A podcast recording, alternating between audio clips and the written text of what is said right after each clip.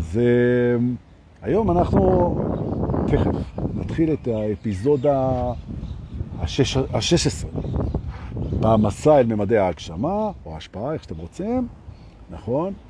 והנושא שלנו, היום אני התלבטתי מאוד על העניין הזה, מאוד התלבטתי על הסיפור, ובסופו של דבר אנחנו כמובן במפגש שלנו עם החיים, והממד שאנחנו נגדיר היום זה ההבדל, זה הממד שמפריד בעצם בין החשיבה שלנו לתפיסה שלנו. זאת אומרת, בעצם אנחנו, כל דבר שאנחנו פוגשים בחיים, בעצם אנחנו תופסים אותו. נכון? תופסים אותו בחושים, תופסים אותו בזיכרון, תופסים אותו, אנחנו תופסים, יש לנו תפיסה, פרספשן. ובעצם כל דבר שבעצם זה את ההווה, כי אנחנו תופסים את ההווה תמיד, את מה שיש, את המציאות, אנחנו תופסים את זה בצורה מסוימת, והטעות הנפוצה של ה mind זה שהתפיסה הזאת היא החשיבה, וגם שהמודעות היא החשיבה. כאילו, והיום אנחנו נפתח את המימד הזה, וזה המימד שמפריד בין השכל החושב לבין השכל התופס. זה הנקודה, ואנחנו נרד לממלכה ונעשה implementation coordination ונהיה מאוד מרוצים. בסוף שוקו ולחמניה עולים על מכוניות קארטינג ונכנסים ביחד לירקון. רוצים? יאללה, בסדר. אז קודם כל נבין ככה. כשאנחנו פוגשים משהו, אנחנו תופסים אותו. נכון, בפרספשן, אנחנו תופסים משהו. וזה לא משנה מה. אנחנו יכולים לפגוש את אבא שלנו, יכולים לפגוש את המורה או את הגננת, יכולים לפגוש בן אדם סתם ברחוב, יכולים לפגוש סיטואציה יותר נעימה, פחות נעימה. אנחנו פוגשים את המציאות. הבעיה היא שבחוויה שלנו אנחנו לא פוגשים את המציאות, בחוויה שלנו אנחנו פוגשים את התפיסה שלנו, ואנחנו לא יודעים את זה. זאת אומרת, בן אדם שלא יתעורר חושב שהחוויה שלו היא המציאות. נכון. אז אני כבר מזכיר, תובנה ראשונה. החוויה שלכם, גם עכשיו אתם חווים את השיעור הזה, איך שאתם חווים את זה, זה לא המציאות. אתם חווים, שימו לב, את התפיסה שלכם. נכון? אתם חווים את התפיסה. עכשיו, זה מעניין, כי כשאתה משנה את התפיסה שלך, משתנה לך המציאות. עכשיו, לשכל המופתע, כן, זה שבתחילת הדרך של ההתעוררות, הוא לא מאמין. הוא שינה תפיסה, ופתאום המציאות השתנתה. הוא אומר, רגע, אני רוצה להבין, על מי אני עובד פה? מה? תחשבו רגע אה, בקטע של אה, משקפיים צבעוניים. אז אם אתה שם משקפיים אדומים, אז כל המציאות אדומה. עכשיו, אתה שוכח ששמת את המשקפיים האלה, ואתה אומר, בואי הנה, אני חי במציאות אדומה, כשלמעשה היא אדומה בגלל המשקפיים. המשקפיים מסמלות את התפיסה. יום אחד אתה מגלה שבמגירה יש לך גם משקפיים כחולים. אתה ממשש על הראש, אתה מגלה שאתה עם משקפיים, אתה מוריד ושם את המשקפיים הכחולים. בשנייה הזאת המציאות שלך השתנתה לגמרי, כשלמעשה המציאות לא השתנתה, רק המשקפיים השתנו. זאת אומרת בעצם, אנחנו צריכים להבין, התפיסה, התפיסה היא מה שמייצר לנו את החוויה. עכשיו שהבנו את זה, נכון? כל דבר שאנחנו תופסים, אנחנו מתחילים להיזכר שאנחנו חווים את התפיסה שלנו. חווים את התפיסה, חווים את התפיסה. הלאה. כשאני פוגש את עצמי בחוויה, פוגש את עצמי, זה יכול לפגוש את עצמי בראי, במראה, את בבואתי, איך אני נראה בין עצמי, אני עומד מול המראה, מכניס את הבטן ומנסה להיראות טוב, כן?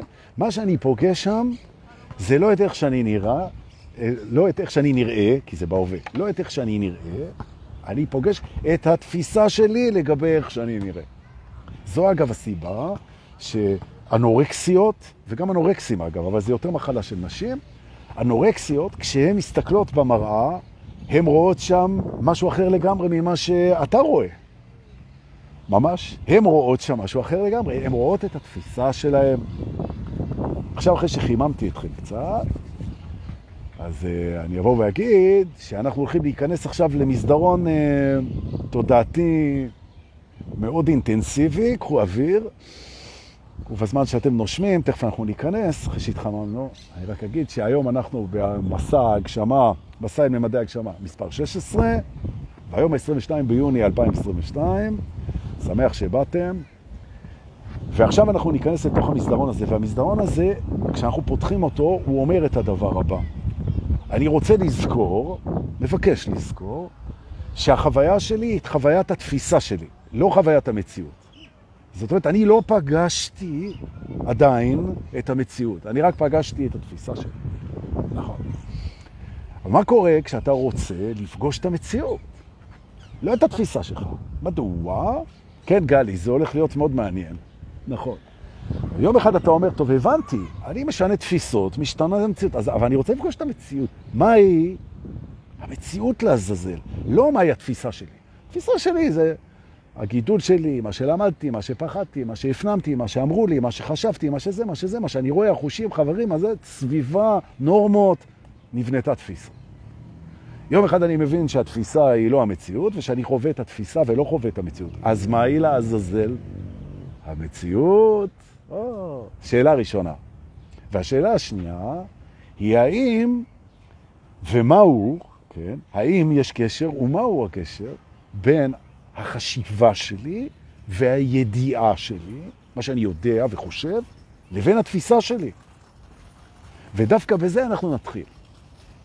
הדבר המהמם פה, ופה אנחנו נכנסים כבר לתוך, עמוק לתוך המסדרון, שאתה פתאום מבין שהתפיסה שלך, יש בתוכה גם יש ידיעה.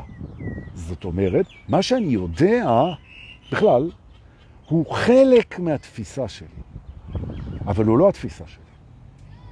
האם אני מסוגל, והתשובה היא כן, האם אני מסוגל בתור בן אדם מתעורר לנתק, ולו לרגע, את התפיסה שלי ממה שאני יודע? והתשובה הזו היא כן, ואני אלמד איך עושים את זה ממש כאן ועכשיו. קחו אוויר. אמר רבנו נחמן, מאומן, הגאון, הוא אמר כמה דברים מאוד מאוד חכמים. הוא אמר, תכלית הידיעה, תכלית זה המשמעות העמוקה ביותר. התכלית של הידיעה זה שאנחנו לא, לא יודעים כלום. זאת אומרת, כשאתה יודע מספיק, אתה מבין שאתה לא יודע שום דבר. אבל זה שאתה לא יודע שום דבר, זה לא מבטל את התפיסה שלך. זאת אומרת, החוויה ממשיכה לתפוס את התפיסה שלך, לחוות אותה, בעוד שאתה מודע לזה שאתה לא יודע כלום. וכדי לבסס את זה בתוך התרגיל, אנחנו נתחיל במי אני. אני רוצה שכל אחד, כל אחד שבא לו לעשות איתי את התרגיל הזה, אנחנו עכשיו ננתק את מה שאנחנו יודעים מהתפיסה שלנו. נכון. ואחרי שאנחנו נשחק תפיסה עם ידיעה, תפיסה בלי ידיעה, כן? אנחנו נעבור לתפיסת המציאות כאילו בצורה אחרת לגמרי, ואני אראה את זה. אני אראה. אוקיי, שלב ראשון, בואו רגע ניקח את המשנה של אה, רבי נחמן ונבוא ונגיד ככה, אני מבין שאני לא מבין, ואני יודע שאני לא יודע. ולכן זה אומר דבר אחד כרגע, אני לא יודע מי אני עכשיו. אני לא יודע מי אני עכשיו, נכון? אני לא יודע, אין לי אפשרות לדעת מי אני עכשיו. כי מה שאני חושב על עצמי, ומה שאני זוכר מעצמי, וההשוואות שאני עושה, זה לא אומר שאני יודע מי אני עכשיו. נכון. אני הרבה יותר גדול מהידע שלי, ובכלל הדברים הם יותר גדולים מהידע שלנו. ולכן, אני לא יודע מי אני עכשיו. עכשיו, כשאני תופס משהו, כשאני תופס משהו, אין אני. כי אני לא יודע מי אני, זאת אומרת, זה נתפס באמצעות התפיסה שלי, ואני חווה את זה, אבל אני לא יכול להגיד, אני חווה את זה, כי אין אני, כי אני לא יודע מי זה. זאת אומרת, אין מי שאני יודע שתופס את זה, יש רק את התפיסה. או, נכון. זאת אומרת, יש לנו פה תפיסה בלי לדעת מי התופס. התפיסה מתנתקת ממה שאני יודע על עצמי. יופי. עכשיו למשל, אתם יושבים מול הטלפון, כן? אתה מסתכל על הטלפון, תחשוב רגע שאתה לא מי שאתה חושב שאתה. נכון? עכשיו אם תשב ותסתכל בשידור הזה ותגיד, אני לא יודע מי זה זה שיושב ומסתכל בשידור הזה, השידור הזה ייראה לך פתאום אחרת לגמרי. וזה תרגיל שעושים אותו בלופ, אתה מסתכל על משהו, אתה חווה משהו, אתה מקשיב משהו, אתה פוגש משהו, ואתה מזכיר לעצמך שאתה לא יודע מי זה זה שפוגש את זה. שזה אתה, אתה לא יודע מי אתה. אתה רק פוגש את זה, אבל אתה לא יודע מי זה זה שפוגש את זה. זאת אומרת, התפיסה מתנתקת ממה שאתה יודע על עצמך, לרגע. זאת אומרת, היא מתנקה מהזהות. זאת אומרת, זה כבר לא התפיסה שלך, כי אין אני. זו רק תפיסה שאתה תופס את הדברים. נכון. עכשיו, מה שיפה זה שהתפיסה היא רחבה, כי אתה תופס בכל החושים, אתה תופס בתדרים, אתה תופס באינטואיציות, אתה תופס בחיבורים אה, קוסמים שאתה לא יכול לדעת אותם, אתה תופס באהבה, אתה תופס, התפיסה שלך היא ענקית. ברגע שאתה מסלק את ה"אני יודע מי אני", היא נפתחת לגמרי, נכון. עכשיו, אם אין אני, ואני לא יודע מי אני, אני בסך הכל יודע רק דבר אחד, שאני חווה את התפיסה, אבל לא יודע מי זה. חווה את התפיסה, ברגע שאני בא לתפוס בלי לדעת מי אני, התפיסה נפתחת לגמרי. היא נפתחת לגמרי. עכשיו, כשהיא נפתחת, שזה מה שאני מקווה שתתרגלו את זה, כשהיא נפתחת, פתאום בעצם הדברים הם לא אישיים. מה זאת אומרת? כל מה שנאמר לי, וכל מה שמתקשר איתי, וכל מה שמשפיע עליי לכאורה והכל, אני לא יודע מי אני, אני לא רלוונטי בסיפור, זה לא אישי. עכשיו, כשאתה מסתכל על החיים ממקום לא אישי, מתבררת לך פתאום הגדולה והכוונה של המציאות.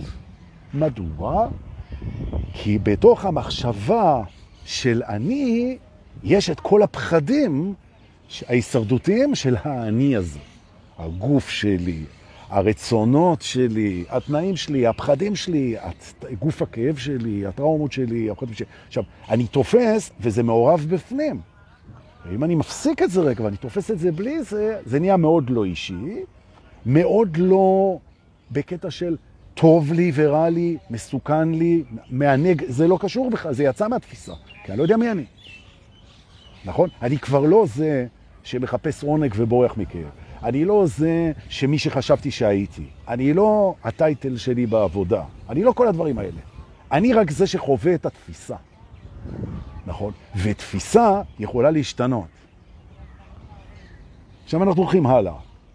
מה שאני תופס, מה שאני תופס, את זה הבורא לא ברא. את מה שאני תופס. את זה הוא לא ברא. את התפיסה לא הבורא ברא. נכון. התפיסה שלי לא הבורא ברא אותה. למה? כי בתפיסה שלי יש טוב ורע. ובתפיסה שלי יש חושך ואור. ובתפיסה שלי יש חיים ומוות. נכון? ולמעשה, למעשה, חיים ומוות, אור וחושך, טוב ורע, זה נמצא רק בתוך המודעות שלי. נכון, את המודעות שלי אלוהים ברא. נכון. אבל מתוך המודעות הזאת אני בראתי את התפיסה של טוב ורע, גדול וקטן. אני בראתי את זה, הוא רק ברא לי תפיסה. אני אתן עוד דוגמה. אם אני היום בורא מטוס, אני חברת בואינג, כן? ואנחנו בורים מטוס בואינג 707 או 727. עכשיו, בן אדם שנוסע לניו יורק עם הבואינג הזה, בעצם מי שלקח אותו לניו יורק זה המטוס והטייס. אבל אני בראתי את המטוס הזה. אני יכול לבוא לבן אדם שיורד עכשיו מהמטוס בניו יורק, להגיד, שלום, תכיר, נעים מאוד, דור פולס, אני המצאתי את הבואינג 727. בעצם, אני לקחתי אותך לניו יורק, אני המצאתי את זה, אני בראתי את זה. אם אני לא הייתי בורא את המטוס הזה, אז אתה לא היית מגיע לניו יורק. הוא אומר, לא נכון. לא נכון. אתה בראת את המטוס, והמטוס והטייס לקחו אותי. וזה בדיוק פה. הבריאה בראה לנו את היכולת לברוא תפיסה, אנחנו בראנו את התפיסה. נכון. את היכולת אלוהים ברא, את התפיסה אנחנו בראנו. וזו הסיבה שאנחנו תופסים כל כך הרבה רוע וכאב ופחד ותסכול ורמאות וכאב ומלחמות וגועל ודברים שלא צריכים להיות. זה אנחנו בורים את התפיסה. בעצם המציאות, שדרך התפיסה אנחנו חווים אותה, אבל המציאות, בלי הקשר לתפיסה, זה מה שישנו פה, נכון? וזה הכל, הכל, הכל, הכל נברא טוב. אבל כדי שאנחנו נוכל לחוות את זה, אנחנו צריכים לחוות את זה דרך התפיסה. ותפיסה, יש בה דואליות, טוב ורע, נכון?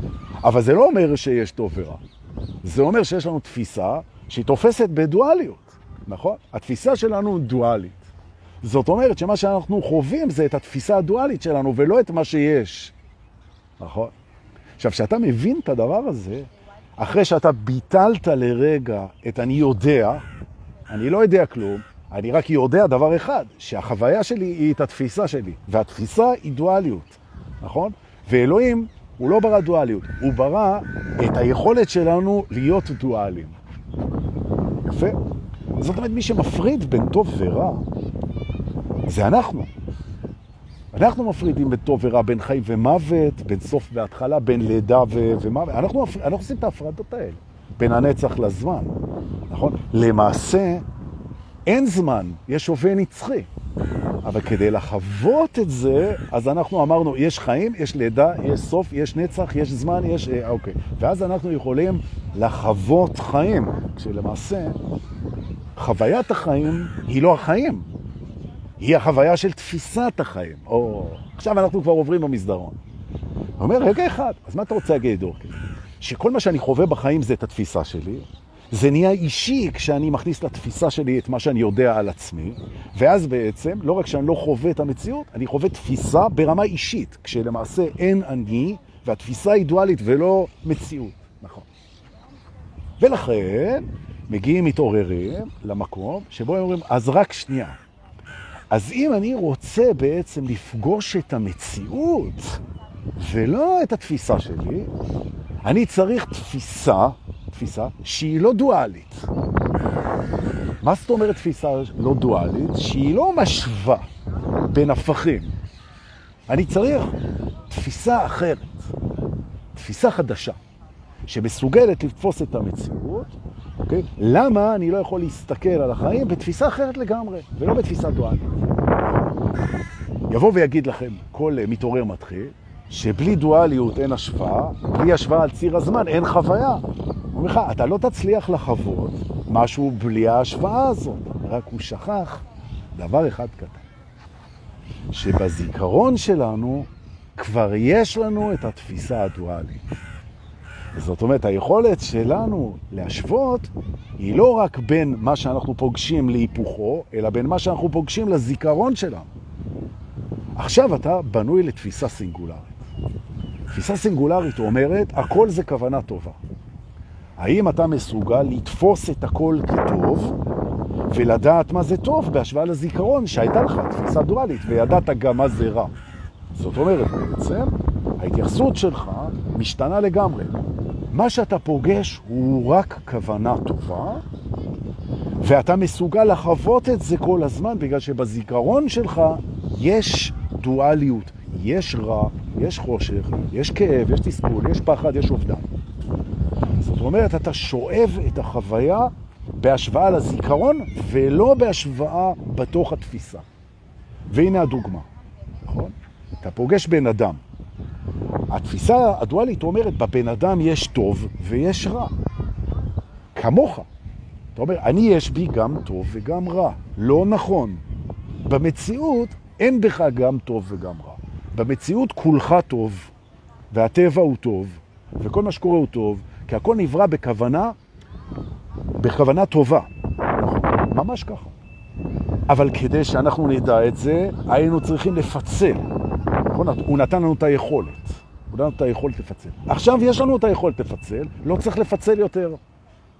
עכשיו אתה יכול להסתכל על הכל ולראות בכל דבר שהוא טוב, ולחוות את זה כי אתה יודע מה זה רע, למרות שאין רע, אבל בדואליות יש.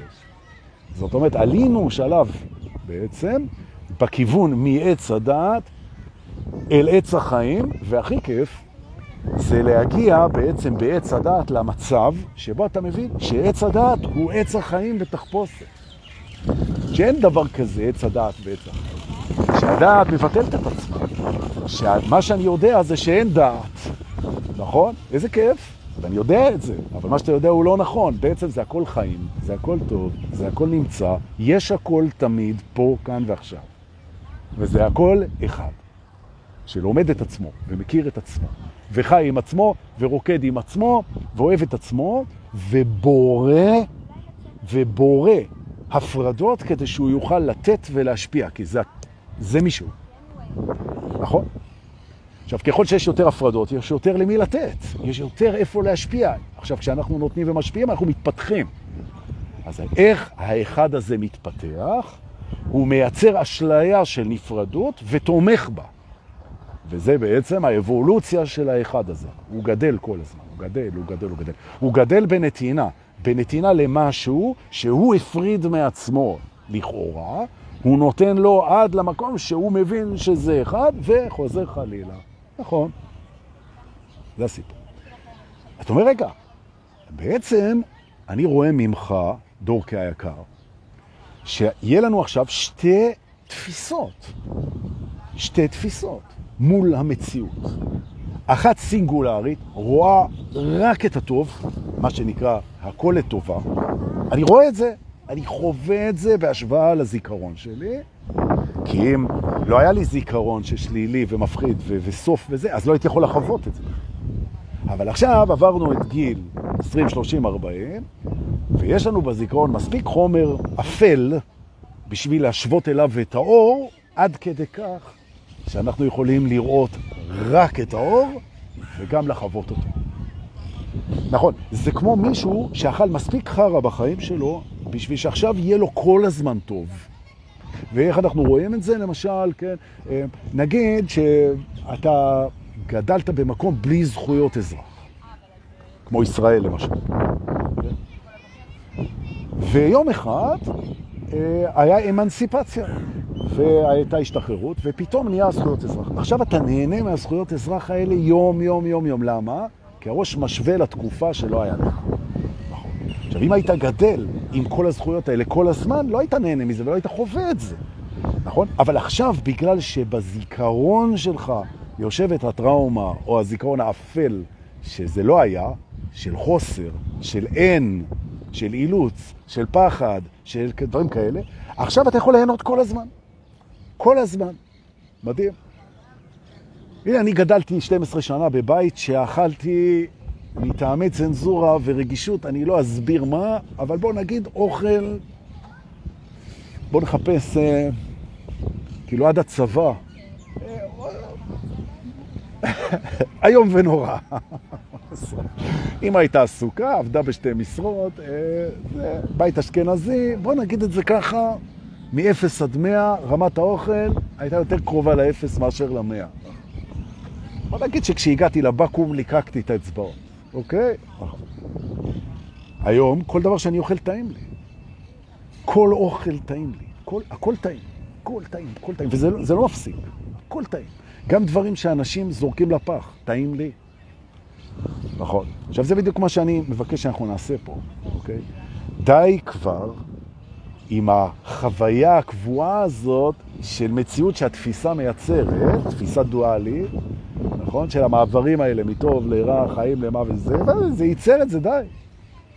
עכשיו אנחנו פותחים תפיסה שרואה את הכוונה הטובה והאוהבת בכל דבר, גם בדברים שהדואליות שוללת אותם. אנחנו רואים את זה במחלות, במלחמות, בכאב, באגואיזם, באובדן, בחוסר, בעוני, במשבר. אנחנו רואים את מה שטוב בזה, נכון? או במילים אחרות, אתה נמצא בחגיגה מול שני הוקטורים. נכון. ועכשיו אתה חווה את המציאות. ואיך אתה יודע את זה? אתה בהודעה כל הזמן. והנה אנחנו מגיעים לסוף המסדרון. להודעה יש צבע מנטלי, כמו משקפיים. מהו הצבע המנטלי של ההודעה? סגול. מי קבע? אני קבעתי. מה אכפת לכם? אתם רוצים צבע אחר? תיקחו.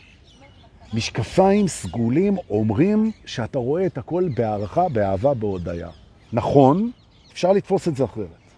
אין מה להתווכח. יבוא מישהו עם תפיסה דואלית, תגיד לא. זה, המשבר המים בניקרגואה זה דבר רע. אה, הילדים שככה זה דבר רע. אין בעיה, אפשר לראות זה ככה. אני רואה שזה בכוונה טובה. אני רואה, זכותי. אני רואה את זה סינגולרי. אני שם את המשקפיים הסגולים, תעשו איתי, רושמים. אני מדמיין ששמתי משקפיים סגולים שמייצגים את התפיסה הסינגולרית של הכל לטובה. דמיין את זה. שם את זה, ובשנייה הזאת, מה שקורה, אתם יודעים, תקנו משקפיים כאלה אתם מכירים, כל מה שאני רואה נהיה סגול. 360 מעלות, הכל נהיה סגול. אני סוגר עם עצמי שכשאני מצליח להרגיש שהכל סגול, הכל סגול, אני בראייה סינגולרית של הכל לטובה. בעצם אני חווה עכשיו את המציאות כמו שאני בוחר לתפוס אותה. אני תופס אותה כטובה. זהו.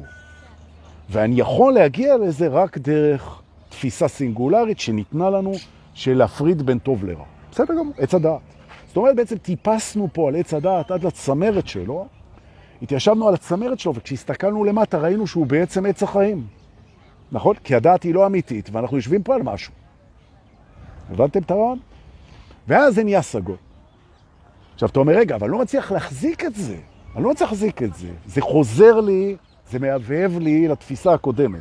אני אומר, זה מצוין שזה מהבהב לך. יש בזה כוונה טובה שזה חוזר אחורה, והופ, אם ייחסת לזה את הכוונה הטובה, חזר הממד הסגול. למתקדמים. למתקדמים ממש, נכון. השלבים הם מאוד פשוטים. להיזכר שאני לא יודע בעצם מי אני עכשיו, לנתק את הידיעה הסובייקטיבית מהתפיסה שהיא גם ככה לא מציאות אלא חוויה של תפיסה, להיזכר בתפיסה שהיא סינגולרית של הכל טוב, שהיא תפיסה לגיטימית, כמו כל תפיסה אחרת, לחוות דרכה, לא באופן אישי סובייקטיבי, אלא בשם סינגולרי אובייקטיבי, כן? ולראות שעץ הדת הופך לעץ החיים בסגול. נכון. אך איזה ערב היה לנו אתמול, יא אללה, יא אללה. שאלה אותי אתמול מישהי מקסימה, היא שאלה שאלה מדהימה.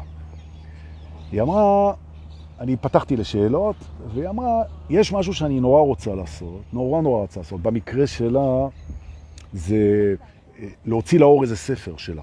מאוד רוצה. הרבה תשוקה, הרבה passion, הרבה רצון לעשות. והיא אומרת, ואין לי מוטיבציה להתחיל לעשות את זה. אין לי מוטיבציה.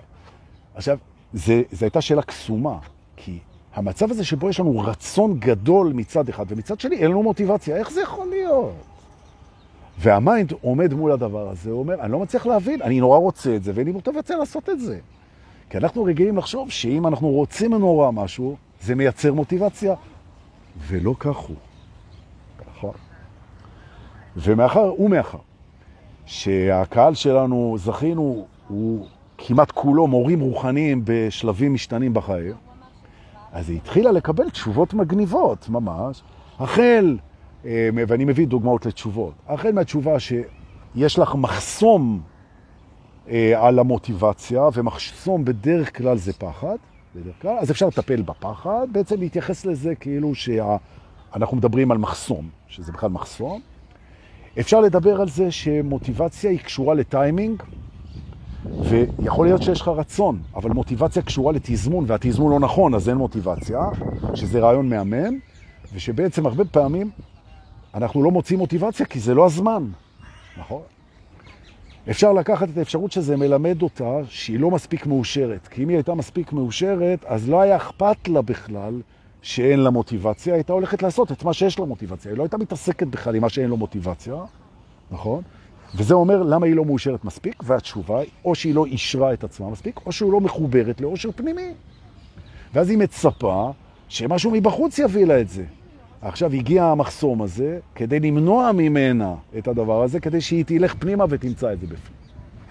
זאת אומרת, המחסום זה הדבר הכי טוב שקרה לה, הנה הראייה הסינגולרית, ופתאום הכל נהיה סגול. נכון? אז אה, זהו. אגב, אנשים ש... ויש כאלה, אמרתי את זה גם אתמול בערב, אנשים שיש להם ניסיון בצריכה של משנה תודעה, כמובן במקומות שזה חוקי, אז uh, הרצפים האלה הם מאוד משמעותיים כשעושים אותם על משנה תודעה, והרצף הזה של הממד הסגול, הוא יהפוך את הכל לסגול, גם על פטריות. זאת אומרת, אם אתם מתרגלים את הרצף הזה מספיק, ואתם מיומנים במשנה תודעה, לא מתחילים, אנשים שכבר עשו 20-30 מסעות, אז אתם תראו פתאום איך שהראייה הסינגולרית, ב set and setting, תעשו את זה במקום מתאים, פתאום הכל יהיה טוב, הכל יהיה אחד, הכל יהיה סגול, הכל יהיה עץ החיים. זהו. אני רוצה להגיד תודה לשחר רחל וליובל רווה, המקסימים שמעלים אותנו למדיות. לכם שאתם יוצאים מגדרכם ומשתפים, לא רק נהנים, נכון? ואמרתי לכם, אלה שמוצאים ערך בשידורים האלה ולא משתפים אותם, בעיניי זה תמוה. אני יודע שיש בזה משהו טוב, ועוד מעט זה יצבע לי גם בסגול, זה בסדר. אבל בינתיים אני בחיסולי חשבונות. אני רוצה להגיד תודה למי ששולח לי בביט ובפייבוקס כסף מתנה, זה כיף, נכון? אנחנו נתראה ב live הבא, תודה רבה רבה רבה שבאתם. להתראות.